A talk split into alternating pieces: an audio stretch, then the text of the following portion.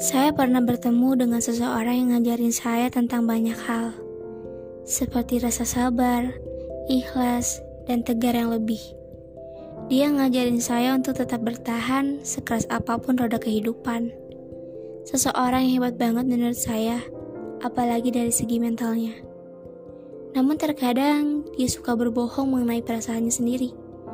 Dia bisa terlihat kuat banget ketika dia lagi kumpul sama keluarganya, ketika dia lagi main sama teman-temannya, terlihat ceria, periang, suka bercanda, seolah dirinya sedang baik-baik saja. Padahal sebenarnya saya tahu ketika dia sendiri, dia merasa rapuh, dia merasa jatuh.